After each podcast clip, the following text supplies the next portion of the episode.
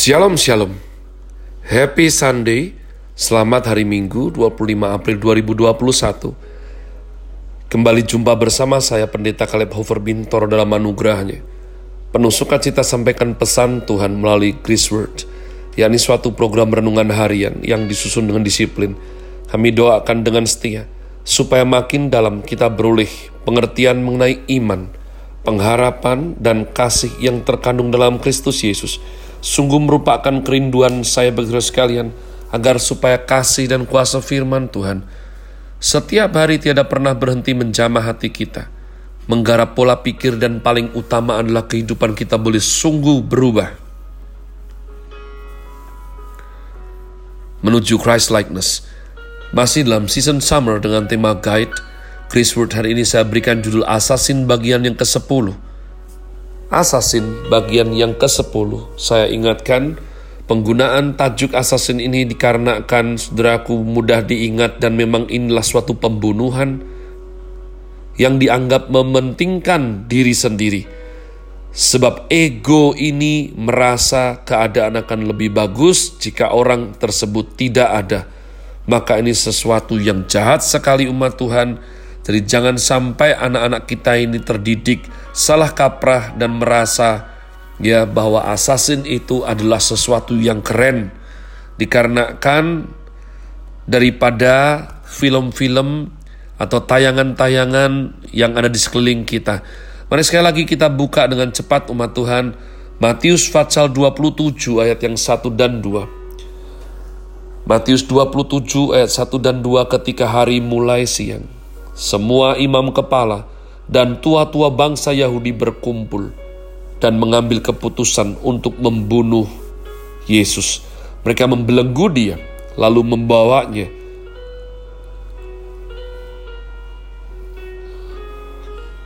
dan menyerahkannya kepada Pilatus, wali negeri itu. Membunuh berarti tidak lagi menghargai arti kehidupan itu sendiri. Membunuh berarti menghina nilai hidup manusia. Membunuh berarti tidak menghormati, tidak memandang wajah penciptanya. Dia ambil keputusan secara sepihak bahwa kematian orang tertentu merupakan keberuntungan apa pun bentuknya bagi dirinya sendiri. Kita harus belajar menghargai hidup manusia, sebab manusia dicipta menurut peta teladan Allah. Agama-agama lain juga mengajarkan untuk jangan membunuh, tetapi mereka tidak mengerti batasannya, sehingga ada agama yang memperluas hukum ini sampai tidak boleh membunuh nyamuk sekalipun ini akibat dari mereka tidak mengerti peta teladan Allah. Ya, ini bedanya kitab suci dengan ajaran agama keyakinan yang lain. Tuhan Sang Pencipta manusia membuat garis batas yang tegas antara manusia dengan semua ciptaan yang lain. Ya, jadi umat Tuhan, biarlah kita tidak terjebak ekstrim kiri maupun ekstrim kanan. Nah, perintah tentang jangan membunuh berkait dengan berbagai ayat lain. Seperti barang siapa menumpahkan darah orang lain, darahnya juga akan ditumpahkan. Ajaran Alkitab sedemikian sempurna dan akurat, sehingga satu dengan yang lain saling berkait dengan prinsip yang sama. Inilah firman Tuhan, kebenaran yang dari Allah. Manusia tidak diperbolehkan membunuh sesamanya karena manusia dicipta seturut peta teladan Allah. Memang Allah memberikan hak kebebasan kepada manusia yang sedemikian besar. Sebegitu besar kebebasan yang Allah berikan hingga bisa dipergunakan dengan semena-mena. Adam jatuh ke dalam dosa karena Adam telah menggunakan kebebasan yang Allah berikan untuk melawan Allah, Sang Pemberi kebebasan ini adalah sesuatu yang sangat memprihatinkan, merupakan ironi. Manusia dicipta mirip Allah, memiliki kuasa, kebebasan dan keinginan yang luar biasa. Bedanya, Tuhan Allah meletakkan kebebasannya di dalam seluruh atributnya, kebebasannya, tidak pernah melawan kasihnya, keadilannya, kesuciannya, dan kebenarannya.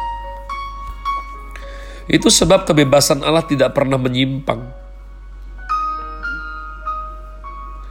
Sementara manusia tidak mau menteladani Allah dalam hal mengikat kebebasan yang sedemikian besar, maka manusia akhirnya menyimpang memakai menyalahgunakan kebebasannya, haknya, kepandaiannya justru untuk melawan Allah yang adalah sumber anugerah bagi hidup. Itulah kebebasan manusia yang akhirnya membinasakan dirinya. Mati berarti berpisah dari Allah, sumber hidup yang sejati. Itulah orang yang terlepas dari Tuhan, yang kehilangan fondasi, standar hidup, sehingga mungkin saja membunuh orang lain. Perjanjian Lama memaparkan tiga kasus pembunuhan umat Allah.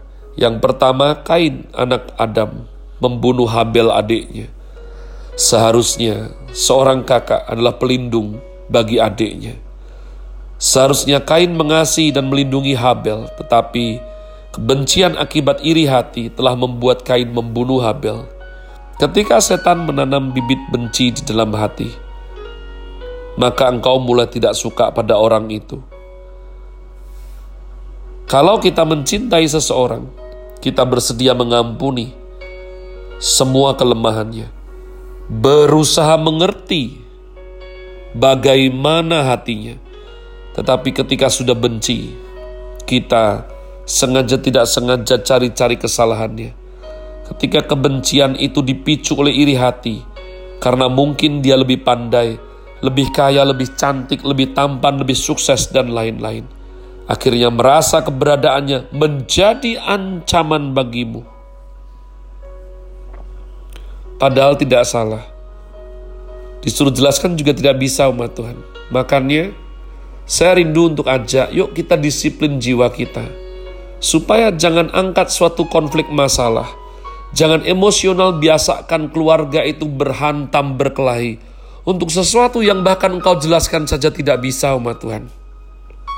Engkau tidak mengerti, engkau mungkin khawatir, engkau mungkin paranoid umat Tuhan. Ya, tapi itu disebabkan level egois yang begitu tinggi. Sehingga engkau akan terus negatif, atmosfer negatif, bercara pandang negatif.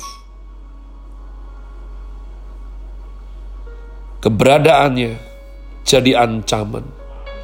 Tuhan Yesus tidak salah apa-apa umat Tuhan. Tapi ayat yang tadi kita baca bersama. Imam kepala, ahli Taurat orang Yahudi, tiga orang yang harusnya khatam mengenai hukum Tuhan yang diberikan melalui Torah Musa mereka menganggap keberadaan Tuhan Yesus yang tidak bersalah itu sebagai gangguan, sehingga akhirnya harus dibunuh. Hal-hal seperti yang saya ucapkan tadi, walaupun saya tidak tahu kenapa, tapi keberadaannya itu tidak enak di hati saya. Nah, ini umat Tuhan, hal-hal seperti ini bisa berbuahkan pembunuhan. Karena manusia ingin mengenyahkan dia, kebencian membuat manusia tidak bisa lagi melihat manusia dari sudut pandang Tuhan.